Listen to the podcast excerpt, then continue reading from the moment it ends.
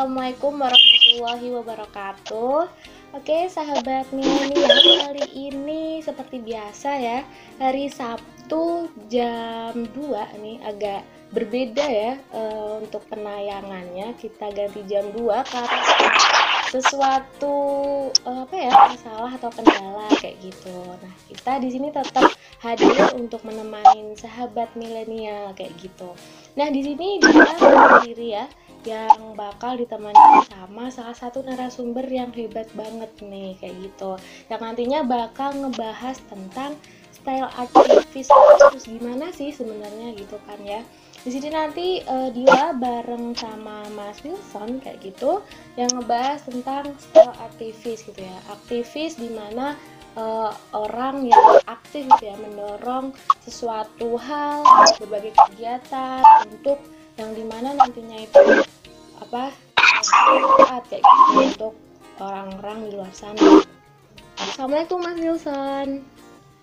Halo, Waalaikumsalam. Ya, gimana nih Mas kabarnya apa ya di tahun 2021 nih? Ya baik-baik saja. Intinya sekarang ini 2021 mungkin uh, jadi masa untuk saya pribadi ya. Mungkin kemarin kan uh, 2020 karena pandemi mulai jadi fase bertahan. Nah sekarang jadi fase uh, berkembang ya, berkembang supaya kita bisa lebih baik lagi. Intinya harus tetap berdamai dengan diri sendiri dan juga berdamai dengan COVID-19. Ini tetap berpikir positif dan berprasangka baik tentunya seperti itu. Iya benar banget ya Mas. Jadi harus tetap positif, harus melakukan semua hal itu dengan positif ya walaupun kita ada apa ya gangguan corona kayak gitu harus aktivitas gitu ya jurusan ya Iya betul sekali. Benar. Dan di sini nanti uh, kita akan bincang-bincang dulu ya Mas tentang aktivis gitu. Menurut Mas Wilson tuh aktivis tuh seperti apa sih Mas? ya intinya aktivis ya. Aktif itu tentunya ya. Aktif ya. Aktivis dalam artian ya aktif di organisasi di komunitas di uh, apa namanya di paguyuban dan intinya aktivis ya aktif tentunya. Sampai kapan pun ya jiwa aktivis tetap melekat dalam diri kita terutama yang karena saya pribadi saya dulu uh, dari IMM ya. Waktu zaman S1 dulu di UMS saya aktif di IMM di paduan suara di uh, English Club. Nah sekarang ya jiwa aktivis tetap melekat dalam diri saya. Dan saya sekarang alhamdulillah diamanai di pimpinan wilayah pemuda Muhammadiyah Jawa Tengah. Jadi kalau ibarat katakan saya sekarang lagi tengah lanjut S2 di di Ponorogo di Undi Undi Undip Semarang di Magister Ilmu Komunikasi intinya kalau hanya fokus kuliah aja tapi saya nggak aktif di organisasi ada mungkin kehampaan ya hmm. ya akhirnya karena saya tinggal di Semarang uh, dan juga tentunya uh, antara kampus dengan pimpinan uh, kantor PWM itu dekat ya saya uh, diamanai dan di uh, apa namanya uh, diikutsertakan untuk menjadi pengurus di pimpinan wilayah pemuda Muhammadiyah Jawa Tengah periode ini seperti itu. Oh iya. Ini Mas Yuson berarti baru menempuh pendidikan ya di Undip Ilmu Komunikasi gitu ya? Iya, saya, saya saya sekarang lagi tesis ya. Hmm. Alhamdulillah saya uh, ya karena aktivis itulah ya saya bisa memperoleh beasiswa fully funded untuk lanjut S2 di Undip Semarang ini. Makanya buat teman-teman aktivis ya ayo ayo gali potensi kita. Kita banyak kesempatan-kesempatan di luar sana untuk bisa meraih mimpi kita. Salah satunya mungkin bagi yang mau lanjut S2 ada peluang-peluang beasiswa aktivis juga. Jadi alhamdulillah saya ini di ambil S2 di Undip ini saya full beasiswa seperti itu. Mulai dari biaya hidup, biaya makan, penelitian dan lain-lain. Pokoknya gratis tinggal bawa badan aja begitu. Oke, keren banget. Ilmu komunikasi nih BTW Dila juga ilmu komunikasi nih Mas, tapi S1. Ya, it's okay no problem, nggak apa-apa, nggak apa-apa. Iya. Itu bisa jadi apa ya awal dari ngobrol-ngobrol kita nih sahabat milenial. Nanti mungkin kita bakal lanjutin lagi ya Mas. Dan ini kan ngebahas tentang style ya. Setiap orang pasti kan punya style apalagi seorang aktivis yang biasanya tuh stylenya uh, kebanyakan apa ya tidak memperhatikan mungkin bisa bisa dikatakan seperti itu. Mungkin nanti bisa ngebahas itu tapi nanti Mas Wilson jawabnya nanti ya Mas untuk apa berbagi sharingnya pandangannya gitu. Ini ada yang mau lewat. Kayak gitu ya Mas Wilson ya. Oke okay, thank you ya. Nanti gampang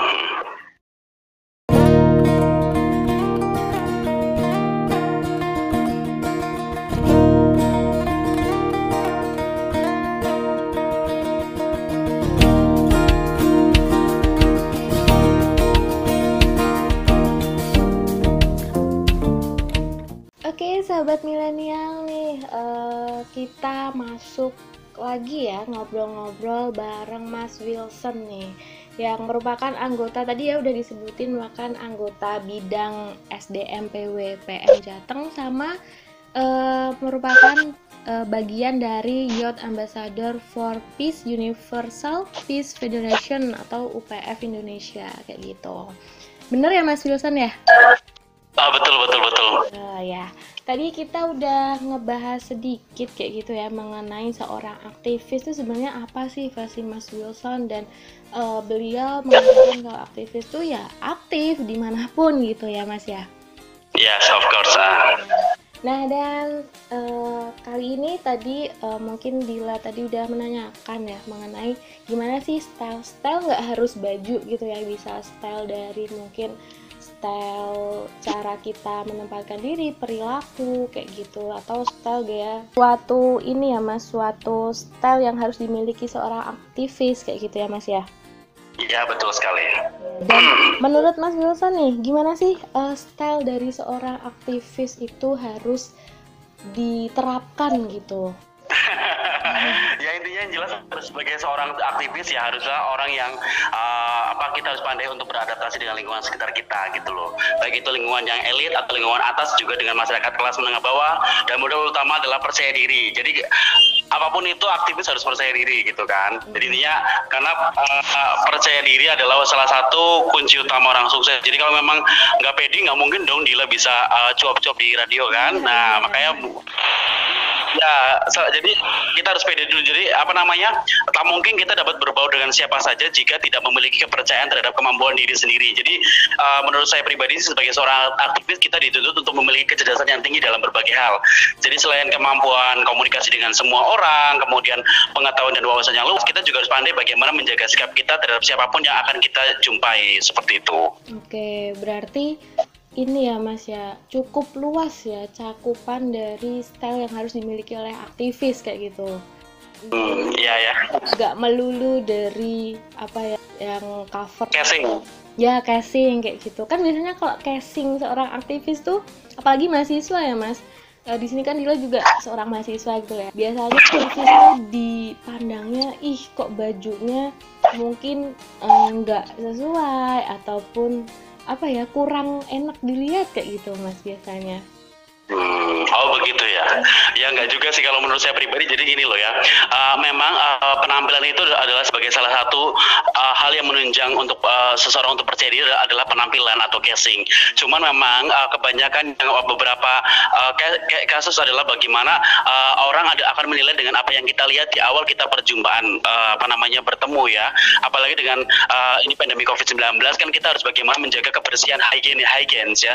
Higienisnya bagaimana pakaian kita misalkan karena ini uh, pandemi COVID-19 kan kita nggak tahu kan temu sama siapa aja. Usahakan pakaian yang kita kenakan setelah dipakai jangan langsung digantung di kamar tapi langsung taruh ember atau dicuci. Sehingga uh, mungkin kan kita mana tahu ya who knows ya uh, ada virus atau bagaimana yang menempel dengan pakaian yang kita kenakan seperti itu. Jadi intinya uh, bagaimana uh, kita bisa menciptakan kesan pertama yang positif ya itu dengan uh, tetap berpenampilan terbaik ya terbaik versi diri kita gitu loh. Usahakan jangan sampai salah kostum.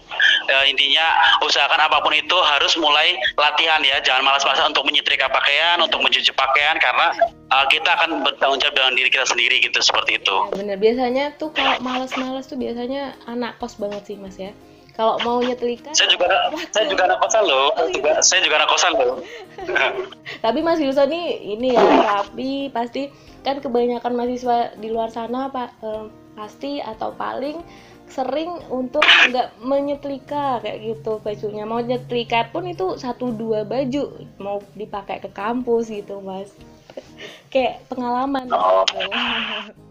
Oke, okay, ya, ya mungkin itu kan mungkin uh, apa namanya uh, tergantung dengan pribadi masing-masing. Namun uh, apa pun itu adalah uh, memang banyak orang yang berkata don't judge the book by its cover only. Jangan jadi melihat orang dari covernya aja. Namun kenyataannya uh, apa yang kita hadapi ini selalu uh, kita akan menilai dan berpendapat berdasarkan apa yang kita lihat gitu loh. Jadi uh, intinya adalah apalagi kan uh, mungkin ya uh, di aktivis terutama kan kita kan sering bertemu dengan banyak orang. Mungkin ketika kita audiensi mau ketemu dengan misalkan pejabat-pejabat seperti wali kota, bupati atau misalkan kita dengan ayahanda kita sendiri kayak ke ketua PDM minimal ya kita bagaimana uh, untuk bisa mengusahakan berpakaian yang rapi terutama mengenakan kemeja ya untuk yang imawan terutama ya.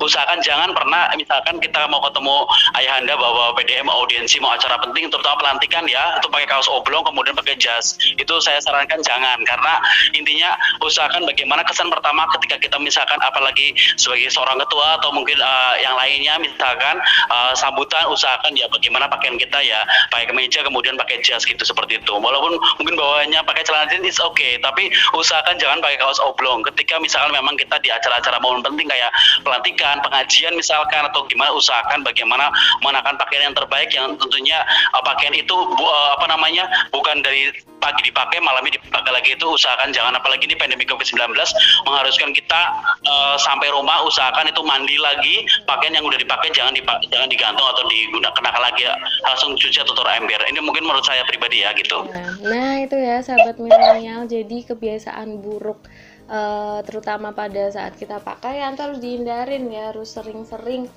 uh, ganti pakaian terus mencucinya dan melihat kondisi juga ya sahabat milenial di mana kalau kita menghadiri, menghadiri suatu acara formal tuh apalagi kalau kita aktivis ya mas ya tuh harus menyesuaikan dan menempatkan diri yang sesuai gitu Iya iya iya iya. Ya. ya intinya intinya adalah uh, yang penting kita adalah berpenampilan terbaik itu adalah membantu meningkatkan, meningkatkan rasa percaya diri kita gitu loh. Jadi intinya adalah uh, tipsnya adalah terus mencoba try on it trial and error. Jadi untuk mencari pakaian yang cocok jangan terlalu mengandalkan tren terlebih dahulu, tapi carilah pakaian yang nyaman dan pas. Ya nyaman dan pas. Kemudian ketika sudah nyaman Anda merasa percaya diri dan yang akan mempengaruhi tingkah laku kita nanti ke depan seperti itu. Jadi jangan sampai uh, terkesan bahwasanya adalah uh, kita tidak siap untuk atau pede untuk mengenakan pakaian yang kita miliki. Wong yang punya baju kita, kok masa kita nggak pede untuk pakai baju ya, itu? Bener, Misalkan lo ya. Bener mas, ya setuju setuju sama ini statementnya Mas Wilson ya. Kita pakai fashion atau pakaian terus yang nyaman ya nggak melulu harus ngikutin fashion terkini ter up to date gitu ya. Kalau nggak nyaman nggak pede ya apa boleh buat gitu ya mas ya. Apalagi uh, tadi ya kita tuh dipandang dari luarnya dulu gitu. Munafik banget ya mas kayaknya kalau nggak ngelihat luarnya gitu ya. Dan mungkin disusul dengan wawasan yang luas gitu dengan tampilan kita yang luar udah packagingnya nih casingnya udah bagus pasti nanti uh, akan meyakinkan orang lain nih wah punya wawasan yang luas nih ilmu yang keren kayak gitu ya mas. Pasti ya apa pandangan orang lain kayak gitu Ya intinya kalau di ilmu komunikasi kan kami ada uh, apalagi di S2 itu ada istilahnya fashion communication. Jadi unsur utama dalam penampilan adalah pakaian. Jadi jika pakaian terlihat rapi, mungkin tambah lagi mungkin kalau ada rezeki ya dengan beraroma parfum wangi minimal ya, orang lain akan senang berada di dekat kita gitu loh. Terutama uh, apa namanya ya intinya ya tapi uh, jadi bukan berarti penampilan itu adalah di bawah standar. Jadi rasanya adalah bagaimana pakaian yang kita kenakan itu menunjang penampilan kita sebaik mungkin gitu loh. Jadi misalkan uh, apa namanya uh, kesan pertama uh, orang menilai itu kan ketika kita bertemu orang adalah bagaimana dari pakaian yang kita kenakan gitu loh. Misalkan uh, kesan pertama misalkan ketemu mau maaf ya, ketemu calon mertua misalkan, ya pasti pakainya rapi dong. Misalkan kita mau mau sidang skripsi kah, mau sidang tesis kah, atau mungkin pas pelantikan kah, gitu kan? Kan kita harus tahu. Nah, ini saya juga sering uh, sering uh, apa namanya kasih saran ke teman-teman usahakan ketika kita uh, tidur pun ya usahakan uh, pakai pakaian yang nyaman dan memang layak untuk tidur bukan pakai kemeja untuk tidur gitu loh. Iya. Kadang-kadang mungkin kan enggak mungkin begitu mungkin lah mungkin dan intinya adalah uh, ini uh, apa bisa sendiri berbagi uh, pengalaman aja bagaimana ada kejadian gara-gara kita salah kostum itu kita akhirnya diusir satpam. Padahal menghadiri acara resmi misalkan lo ya. Ya usahakan uh, kita harus bagaimana uh, mix and match gitu loh ya. Usahakan atasan dan bawahan tidak lebih dari dua warna begitu. Usahakan bagaimana kita juga harus eye contact. Udah rapi udah wangi eh ternyata cemberut mukanya manyun cemberut. Nah itu kan jadi hilang gantengnya hilang cantiknya gitu loh. Bener bener, bener ya keren banget ya nih uh, tips dan trik ya sedikit tips dari Mas Wilson tentang gimana sih kita harus menyesuaikan tempat dengan apa pakaian kita dan juga nggak lupa dengan raut wajah kita ya. Harus apa ya menyesuaikan juga. Jangan sad mulu, jangan sedih mulu, tapi kita harus bahagia kayak gitu di setiap keadaan ataupun kegiatan gitu ya Mas ya. Kita mungkin nanti bakal ya. ngelanjutin obrolan kita Mas, tapi ada yang mau lewat lagi nih Mas. Begitu ya Mas Wilson. Ya? Oke, okay, oke. Okay.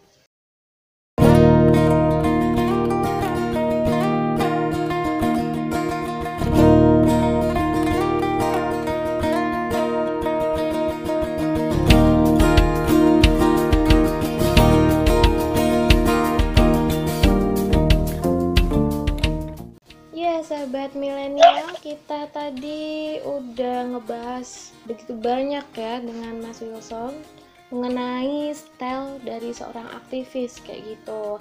Dari penampilan dari perilaku kita ilmu pun juga termasuk style seorang aktivis gitu ya ternyata. Nah di sini kemudian mungkin bakal ini sih menanyakan mengenai pendapat Mas Wilson mengenai seorang aktivis tuh sebenarnya ada standarnya nggak sih Mas? Maksudnya seorang aktivis tuh harus kayak gini, gini gitu. Ya, bagaimana? Untuk standar Mas, jadi apakah uh, seorang aktivis standar. yes untuk menjadi seorang aktivis tuh harus style yang seperti apa sih gitu standar menurut Mas Wilson gitu. Oh standarnya, ya ya ya. Intinya, intinya gini loh. Intinya adalah uh, tetap uh, sebagai seorang aktivis, terutama yang masih kuliah, intinya adalah uh, yang utama memang kita ya kuliah ya, kuliah intinya adalah bagaimana kita bisa menyelesaikan kuliah kalau menurut saya pribadi ya eh, masalah kelulusan adalah uh, lulus di waktu yang tepat bukan tepat waktu. Kalau menurut saya loh ya. Mungkin orang yang mau bilang lulus tepat waktu monggo. Tapi kalau menurut saya pribadi adalah lulus di waktu yang tepat gitu loh. Hmm, intinya gitu. Yang penting lulus gitu ya. Tapi kalau memang memang uh, apa namanya uh, sambil organisasi segala macam itu jadi nilai plus ya. Kalau memang uh, kalau saya pribadi memang karena saya sudah tertanam dalam diri saya pribadi kalau memang nggak uh, aktif di organisasi ada suatu kehampaan gitu loh. Niat hati memang awalnya saya hijrah ke Semarang Semarang itu mau full time kuliah ya lanjut kuliah kemudian ya rajin gitu ke perpus segala macam tapi ternyata nggak bisa hilang gitu tetap masih keluyuran karena mungkin aktivis kan sering ke mana-mana kan nah salah satu poin plus sebagai aktivis adalah kita bisa mengunjungi ke kota bahkan uh, keliling Indonesia atau seluruh apa ke luar negeri gratis seperti itu ya. Nah ini kalau saya bukan aktivis, kalau saya bukan aktivis saya juga nggak bisa ke uh, luar negeri, nggak bisa ke NTT, nggak bisa ke Papua, nggak bisa ke Raja Ampat, nggak bisa ke Bunaken, nggak bisa ke Bali, dan semuanya itu gratis tinggal bawa badan gitu loh. Nah kalau saya kalau mungkin saya pikir pribadi kalau mungkin nabung banyak-banyak kapan bisa ke Raja Ampat, padahal kan mahal sekali. Tapi uh, ada nilai plus sebagai seorang aktivis bahwasanya adalah kita uh, mungkin dari segi uh, apa rasa percaya diri dari cara berpikir itu adalah uh, ya intinya adalah bagaimana kita it's different. Ya we have to know that about our potential. Kita sangat punya potensi sekali gitu loh. Cara berbicaranya itu, pun berbeda. Tapi intinya adalah kalau untuk standar seorang aktivis ya, intinya adalah bagaimana jangan pernah kalau saya menurut saya itu jangan pernah cuek terhadap penampilan gitu loh. Intinya ada stop uh, stop cuek sama penampilan. Nah karena apa uh, ini penting sebenarnya gitu loh ya. Jadi intinya adalah ya tidak apa-apa sih kalau kalau itu hak, hak, hak yang bersangkutan kalau mau cuek. Tapi cuek-cuek banget ya juga bahaya menurut saya itu kan. Jadi ada yang beranggapan penampilan bisa menipu karena penampilan yang baik belum tentu orangnya juga baik. Ya itu bisa dibenarkan. Tapi kita harus ingat juga kalau penampilan adalah present representasi dari diri seseorang seperti itu.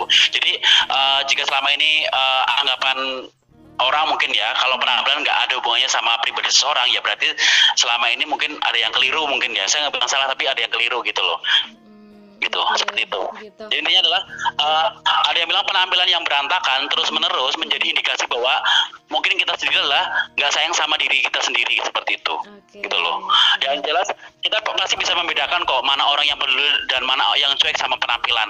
Pasti yang peduli sama penampilan akan terlihat lebih enak di, dipandang penampilan enak dipandang inilah yang bikin orang-orang di sekitar kita betah sama kita mungkin loh ya. Jadi bayangin kalau rambut kita misalnya ini ya terutama yang yang uh, mungkin maaf nggak berhijab atau memang uh, saya, saya ini ya. Uh, rambut kita cakak-cakan kemudian nggak pakai deodoran mungkin ya apa pakaian seadanya apa itu uh, misalkan apa namanya yang bersangkutan mungkin pakainya eh, yang kemarin dipakai lagi kan mungkin mabau keringat atau gimana gitu misalkan ya. Mungkin kalau tiba-tiba ada acara penting segala macam tuh bagaimana? Satu kali dua kali oke mungkin ke depannya akan akhirnya nggak dipercaya lagi loh. Gimana mau diajak orang yang bersangkutan cuek BP kok misalkan loh. Benar benar banget mas. Iya jadi dari penampilan tuh bisa dilihat apa ya peringainya. Walaupun kita belum menunjukkannya tapi udah di statement apa di just dulu nih di awal gitu kan sayang banget ya mas. Jadi seorang aktivis itu harus totalitas gitu ya dari semua uh, dari packaging kita dari apa luar kita gitu ya mas ya. Hmm ya ya intinya ini adalah uh, orang lain mungkin akan lebih respect sama uh, apa namanya kegiatan kita. Nggak mungkin dong uh, kalau kita cuek semisal dengan pekerjaan kita, kemudian uh, apa namanya uh, kita yang mungkin uh, bekerja atau mungkin uh, sering berhubungan dengan hal yang namanya service atau pelayanan Gak mungkin misalkan kita berpenampilan urakan atau memang tidak terkesan rapi. Minimal adalah bagaimana kita dengan kita berpenampilan rapi. Orang itu akan apa namanya uh, akan lebih mudah apa namanya ya ya mudah di dimengerti gitu loh. Oh ini orangnya rapi. Berarti kalau dari segi casing itu udah rapi mungkin apalagi misalnya dia adalah seorang ketua hmm. ya bagaimana dia bisa merawat organisasi kalau merawat diri aja mungkin belum belum apa namanya belum layak belum layak gitu karena hmm. pribadinya mungkin secara penampilan kurang bisa apa namanya sering terhadap diri sendiri nah kalau itu mungkin kalau apalagi kita sering ketemu banyak orang ya itu kan apa pun itu adalah uh, bagaimana kita bisa untuk uh, bertanggung jawab dengan apa yang uh, akan kita kenakan terutama pakaian yang kita kenakan seperti itu. Oke gitu. Berarti gini ya Mas dari penampilan itu uh, omongan apa yang kita utarakan itu bisa menjadi apa ya penguat gitu ya mas jadi dengan penampilan yang bagus omongan yang kita utarakan tuh akan lebih dipercaya orang lain gitu kak mas bisa dibilang iya kurang lebih seperti itu jadi jadi memang ini loh ya cantik atau ganteng itu memang relatif tapi bukan berarti kita merasa tidak punya penampilan yang kurang menarik harus sesuai sama penampilan fisik kita jadi jika kita ingin berpenampilan baik dan pakainya rapi dan wangi setidaknya kita tidak akan membuat orang lain risih di mata kita gitu loh. Oke, gitu. Seperti itu. Ya, bener banget. Jadi, mm -hmm. jadi penampilan penampilan emang nggak bikin uh, kita lebih pintar, tapi setidaknya kita bisa menjadi diri yang lebih baik dan bisa memberikan suasana yang positif bagi orang-orang yang ada di sekitar kita tentunya gitu. Oke, untuk uh, wawasan itu nanti bisa sambil berjalannya waktu ya mas. Tapi kalau kita berpakaian ataupun berbusana dengan style yang kita punya itu kalau bisa disegerakan gitu ya biar orang-orang di sekeliling kita tuh biar lebih nyaman kemudian biar lebih dekat. Kan seorang aktivis itu juga harus punya link ya mas. Punya link yang banyak. Kayak mas Wilson nih kayaknya udah ke mana-mana pasti linknya banyak banget nih Ya masalah link, link jaringan itu akan mengikuti. Jadi bagaimana kita bisa dipercaya ya, jangan sampai hmm. kalau mungkin kan pasti kan track, track record kita akan kebaca gitu loh. Hmm. Ya, ini Dila orangnya bagaimana? Sebelum saya misalkan kontak Dila, pasti kan saya uh, apa research Dila kan, hmm, saya yeah. searching Dila itu seperti apa orangnya. Hmm. Saya tanya ke orang-orang terkait dia, dia oh dia urakan, dia gini, dia gini. Ya mungkin I don't know help you or maybe would engage with you gitu kan. Nggak mungkin dong kita apa namanya pasti kita kan akan searching kok. Dia dia orangnya bagaimana? Dia orangnya baik tapi mohon maaf ya dia uh, bau misalkan maaf ya. Nah itu kan paling tidak kan kita uh, harus tahu dulu kan ketika kita akan apa namanya bertemu dengan orang atau siapa seperti itu. Oke itu. Ya itu tadi ya sahabat milenial udah cukup banyak informasi. Tapi uh, nanti kita bakal mungkin satu segmen lagi ya mas. Ini udah mau deket jam 3 Ma masih 20 menitan sih tapi ini ada yang mau lewat lagi. Kita bakal ngobrol-ngobrol lagi dengan mas Wilson dengan lebih banyak dan mendalam tentang style seorang aktivis. Seperti itu ya mas Wilson ya? Iya iya siap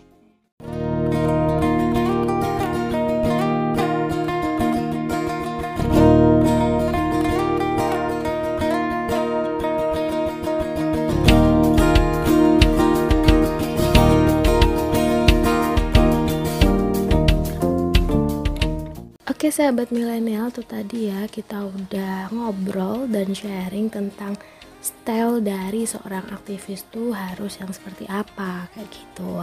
Nah tadi Mas Wilson juga udah memberikan gambaran kalau kita seorang aktivis itu haruslah memiliki casing yang bagus kayak gitu, berpenampilan yang semestinya dan mengetahui situasi dan kondisi seperti itu. Nah, di kali ini mungkin bakal ngasih sedikit tips dan triks ya dari Mas Wilson. Kan mungkin dari sahabat milenial nih masih ragu atau punya rencana nih untuk terjun ke dunia aktivis kayak gitu. Nah selain mempersiapkan style yang perlu diperhatikan juga mungkin dari Mas Wilson ada nggak sih tips dan triks untuk sahabat milenial itu sendiri sebelum masuk ke dunia aktivis gitu mas Ya, jadi itu adalah carilah tempat di mana dirimu itu dihargai bukan dibutuhkan gitu loh. Karena banyak orang yang butuh kita, ya kan? Tapi lupa bagaimana caranya menghargai. Intinya seperti itu. Ini adalah apa namanya? Pilihlah apa namanya organisasi ataupun mungkin apa namanya komunitas yang memang sesuai dengan passion kita. Intinya gitu loh. Jadi intinya adalah ada tiga pesan possible yang mungkin uh, bisa jadi referensi ya bahwasanya ketika kita gabung di organisasi kita harus tahu gitu loh ya. You, we have to know about uh, apa ya namanya respectable di sekitar itu loh. Yang pertama adalah apresiasi. Apakah yang kita lakukan baik itu di organisasi, di rumah kita sendiri, di tempat kerja kita, di lingkungan kampus kita, kita itu dihargai, ya kan? Yang kedua adalah inspirasi. Apakah yang kita lakukan itu dengan kita bergabung sebagai aktivis di organisasi tersebut misalkan uh, kita bermanfaat, peran kita itu bermanfaat enggak untuk orang-orang di sekitar kita seperti itu dan juga orang lain. Dan yang ketiga adalah aktualisasi. Apakah dengan menjadi aktivis atau gabung di organisasi tersebut tersebut kita menjadi tumbuh gitu loh. Bertumbuh dalam arti adalah jaringan kita banyak kita lebih semakin pintar lebih semakin pede kemudian eh, apa nama kita dipercaya eh, banyak orang kemudian kita adalah apa yang dulunya mungkin cuek kita jadi pede kita yang dulunya adalah apa namanya uh, tidak bisa ngomong di depan umum kita jadi pede kan? Seperti itu. Dan ini kayaknya menurut saya pribadi nggak nggak saya dapatkan di perkuliahan tapi saya dapatkan di organisasi. So that's why kita harus bagaimana mengetahui bahwa apakah itu apresiasi inspirasi dan aktualisasi seperti itu. Thank you. Oke okay, itu ya. Keren banget. Jadi buat teman-teman sahabat milenial nih yang pengen uh, masuk ke dunia aktivis kayak Mas Wilson nih yang punya segudang pengalaman gitu ya di dunia aktivis gitu. Tadi ada tiga poin ya yang di mana kita tuh dihargai di situ atau enggak kemudian inspirasi sama aktualisasi itu sendiri gitu. Dan juga enggak melupakan style itu tadi ya mas yang udah kita ngomong panjang lebar itu tadi ya Yes, of course itu, itu jadi intinya salah satu kita dihargai adalah bagaimana dengan uh, apa nama casing kita atau penampilan kita gitu. Yang jelas kita gini gini loh ya, merasa menyaman dengan diri sendiri adalah jalan menuju ketenangan hati dan pikiran kita gitu loh. Kalau kita sama penampilan kita nggak nyaman ya gimana kita mau tenang antara hati dan pikiran kita kan seperti itu. Intinya menjadi diri sendiri akan membuat kita menyadari, menyadari apa yang sebenarnya kita suka dan tidak suka. Tahu mana yang menjadi kelebihan kita dan kekurangan kita. Nah, saat kita menjadi diri kita sendiri, kita akan bertindak, berbicara, bersikap sesuai dengan apa yang kita yakini benar, bukan karena apa yang diyakini orang orang orang lain seperti makanya be yourself gitu seperti itu. Maka jadilah aktor pada panggung sendiri, bukan menjadi figuran di panggung orang lain. Kan ada toh orang yang pura-pura meniru-niru gayanya dia, sebenarnya dia itu nggak pantas, iya. dia nggak. Bener-bener banget sih ya mas. Ini ya, Iya, makanya misalkan jadilah aktor pada panggung sendiri, bukan menjadi figuran di panggung panggung sendiri gitu loh, ya kan? Benar, benar. Seperti itu. Jadi ini ya Bagaimana mungkin kita dicintai oleh orang lain sedangkan mencintai diri kita sendiri saja tidak pernah? Bagaimana bisa kita dihormati oleh orang lain sedangkan menghormati keputusan diri sendiri saja kita tidak, tidak pernah. Jadi jelas adalah jangan fokus pada kelemahan kita. Ingat, kita juga memiliki kelebihan yang orang lain belum tentu miliki seperti itu. Benar-benar. Nah ini buat mungkin sahabat milenial yang merasa insecure ya. Ini kalau udah dengar kata-katanya Mas Wilson mungkin semangatnya ini harus tumbuh lagi gitu ya. Masih harus percaya dengan diri sendiri. Kan banyak ya biasanya apalagi seusia remaja kayak gitu kan udah overthinking ya bahasanya anak muda sekarang tuh overthinking ya Mas biasanya. Iya. Ya. Overthinking, jadi nggak boleh overthinking, harus kan banyak tuh ya mas orang yang terlalu atau remaja yang pengen ikut-ikutan gitu ikutan ikutan doang, tapi nggak tahu nih apa yang diikutinya tuh salah, jadi nggak ngelihat nilainya, tapi asal jeplak orang lain dan dilihatnya keren gitu kali ya mas ya? Ya intinya ya ini adalah menjadi diri sendiri nah sendiri itu penting banget. Namun tetap lapang dada dan saat menerima masukan kritik dan saran seperti itu. Jangan sampai uh, apa ya aku ya aku. Jadi ya aku terserah aku dong gitu. Itu kan banyak kan yang seperti itu kan. Jadi ini dikasih saran tidak mau akhirnya jadi anti kritik seperti itu. Nah ini adalah kita adalah makhluk terbaik yang Allah ciptakan. Tidak serta merta hadir dengan biasa-biasa saja karena setiap kita memiliki potensi yang berbeda-beda dan mampu mengubah kata biasa menjadi luar biasa tentunya seperti itu. Oke. Okay. from nothing to be something gitu. From nobody to be somebody gitu loh. Oke okay, itu keren banget dari Mas Wilson yang uh, sudah berapa tahun nih Mas berkecimpung mungkin di dunia aktivis nih? berapa tahun ya? 10 tahun kali ya di MM dari cabang kemudian di DPP pusat sekarang saya di IMM juga alhamdulillah saya juga diamani gabung di salah satu organisasi internasional seperti itu. Wah, keren banget. Di mana mas kalau boleh tahu mas? Apa mah boleh tahu di mana organisasinya itu kalau yang uh, eh, UPF ini kebetulan kan Universal Peace Federation itu berkantor di New York Amerika Serikat, cuma ada cabangnya di Indonesia. Nah, di mana tahun 2017-18 itu Wilson terpilih sebagai Youth Ambassador oleh UPF Indonesia karena waktu itu kebetulan ketika saya di DPPM pernah DPPM ketika saya menjabat sebagai ketua lembaga kerjasama internasional itu kerjasama dengan UPF untuk bawa program seminar internasional keliling Indonesia 18 provinsi di mana saya bisa berkunjung ke daerah-daerah itu. Nah ini kalau saya bukan aktivis, aktivis nggak mungkin dong saya bisa ke Papua ke NTT ke Maluku ke mana-mana. Makanya itu nilai plus buat kita gitu seperti itu. Dan nggak mungkin pula ya uh, saya uh, apa namanya UPF percaya sama saya kalau dari segi casing saya kurang meyakinkan begitu kan? Bener-bener mas. Ya itu tadi ya 10 tahun seorang Mas Wilson nih uh, berkecimpung di dunia aktivis tuh udah keluar negeri, keliling Indonesia tanpa dibayarin. Nah, buat teman-teman sahabat milenial nih yang mungkin bukan tanpa dibayarin, tanpa bayar sendiri. Oh ya. Tanpa bayar sendiri. Oh iya maaf, tanpa bayar sendiri gitu ya teman-teman. Dibayarin oleh pihak-pihak yang punya apa kegiatan kayak gitu uh, jadi nggak usah ini ya nggak usah takut gitu ya mas untuk uh, di dunia aktivis tuh banyak banget namanya manfaat untuk diri sendiri kayak gitu. Nah, uh, mungkin di sini kita uh, Mas Wilson memberikan closing statement ya Mas karena udah hampir jam 3 kayak gitu. Untuk teman-teman nih dari awal tadi kita ngebahas aktivis, uh, kemudian standar aktivis tadi itu kita mungkin closing statement nih dari Mas Wilson. Ya, ya intinya adalah uh, apa namanya always be yourself karena every day is a miracle and everything is possible. Jadi setiap hari adalah uh, memiliki suatu kejayaan-kejayaan dan everything is possible segalanya itu mungkin. Jadi kalau memang kita nggak mungkin ya kita nggak pernah mungkin. Intinya kita harus yakin pada diri kita. Jadi intinya intinya adalah meskipun kita perlu belajar dari orang lain, tapi bukan berarti kita harus menjadi seperti yang orang lain mau. Jangan sampai kita menjadi pemalu di saat kita sebenarnya bisa menjadi pemeran utama. Jadi intinya adalah apa namanya uh, meskipun hidup ini memiliki persaingan yang ketat, tapi tidak semua persaingan harus selalu bersemin dengan kehidupan orang lain. Intinya adalah jangan pernah bandingkan uh, dirimu dengan diri orang lain, namun bandingkanlah dirimu yang dulu dengan dirimu yang sekarang gitu loh. Mungkin seperti Dila yang dulu mungkin dari kampung sekarang bisa tampil di radio misalkan ya. Iya. Jadi bandingkanlah dirimu yang dulu dengan dirimu yang sekarang. Mungkin Dila yang dulu uh, kurang pede ngomong di depan orang sekarang berani jawab show di depan radio seperti itu. Intinya adalah be yourself.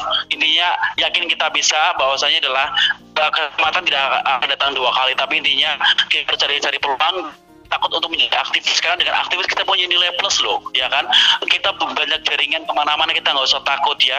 Intinya adalah uh, dengan kita menjadi aktivis banyak peluang-peluang di luar sana yang sebenarnya banyak untuk kita sebagai seorang aktivis. Cuma kita harus proaktif. Proaktif dalam artian adalah kita harus searching informasi bukan reaktif.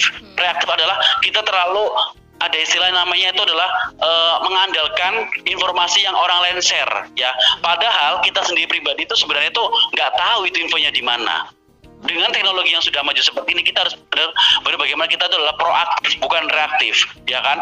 Belajar dari orang yang berpengalaman. Kalau misalkan orang mau tanya tentang beasiswa ke saya saya siap untuk menjawab karena saya sudah berpengalaman mendapatkan beasiswa. Tapi who knows ya maybe salah satu di antara kalian di sini mungkin sebagai pendengar radio kan mungkin punya mimpi kan? Karena mimpi kan nggak bayar tuh gratis tuh mimpi itu. Makanya ya gapailah mimpimu tinggi tinggi langit seperti itu. Intinya sebagai seorang aktivis jangan pernah takut bermimpi reach your dream ya. Karena mana tahu Gunus mana tahu uh, Dila setelah ini bisa job-job di radio VOA Amerika Serikat kan mana tahu Gunus ya. Intinya intinya intinya kita harus uh, apa jangan takut untuk bermimpi. Haruslah berani bermimpi. Karena mimpi itu nggak bayar gratis gitu loh. Benar. Oke itu keren banget ya Mas Wilson yang udah memberikan apa ya pacuan semangat nih untuk kita semua. Jangan takut bermimpi jangan takut untuk apa ya bermimpi setinggi tingginya kayak gitu. Kita nggak ada yang tahu ke depannya kayak gimana dan gimana nasib kita ke depannya gitu ya selain kita berusaha seperti itu. Nah itu tadi ya eh, sahabat milenial tentang kita ngebahas tentang style aktivis tuh gimana sih? Tadi udah kita jabarkan uh, ngobrol dengan Mas Wilson kita jabarkan. Semoga sahabat milenial bisa mengambil nih ya poin-poin dari obrolan kita tadi itu dan lebih baik lagi kalau kita menerapkannya di mana pun gitu ya. Terutama untuk teman-teman yang aktivis nih ataupun yang mau terjun ke dunia aktivis gitu.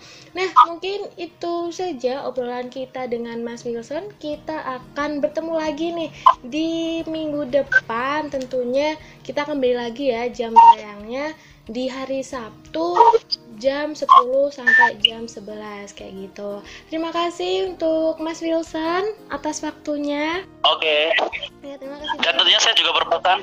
Hmm. Boleh saya pesan terakhir nggak? Boleh nggak? Boleh. Intinya jangan jangan intinya sebagai seorang aktivis jangan lupa perbaiki bahasa Inggris dan eh, siap-siap untuk go internasional karena banyak teman-teman dari kita itu mungkin melupakan bahasa bahasa Inggris. Jelas adalah segera perbaiki bahasa asing minimal bahasa Inggris dan go internasional. Saya saya berharap semoga teman-teman uh, bisa membawa nama baik organisasi di kancah internasional tentunya seperti itu. Amin. Nah itu tadi ya bahasa Inggris nih buat sahabat milenial yang masih terbata-bata nggak apa-apa masih ada waktu. Kita hidup ini untuk terus belajar entah belajar pun itu pokoknya yang positif gitu ya dan itu terima kasih Mas Wilson telah berbincang ngobrol dengan kita nih di suara milenial kayak gitu. Dan jangan lewatkan eh, tema-tema kita selanjutnya. Minggu depan kita tetap di hari Sabtu jam 10 sampai jam 11 siang. Terima kasih. Wassalamualaikum warahmatullahi wabarakatuh. Waalaikumsalam warahmatullahi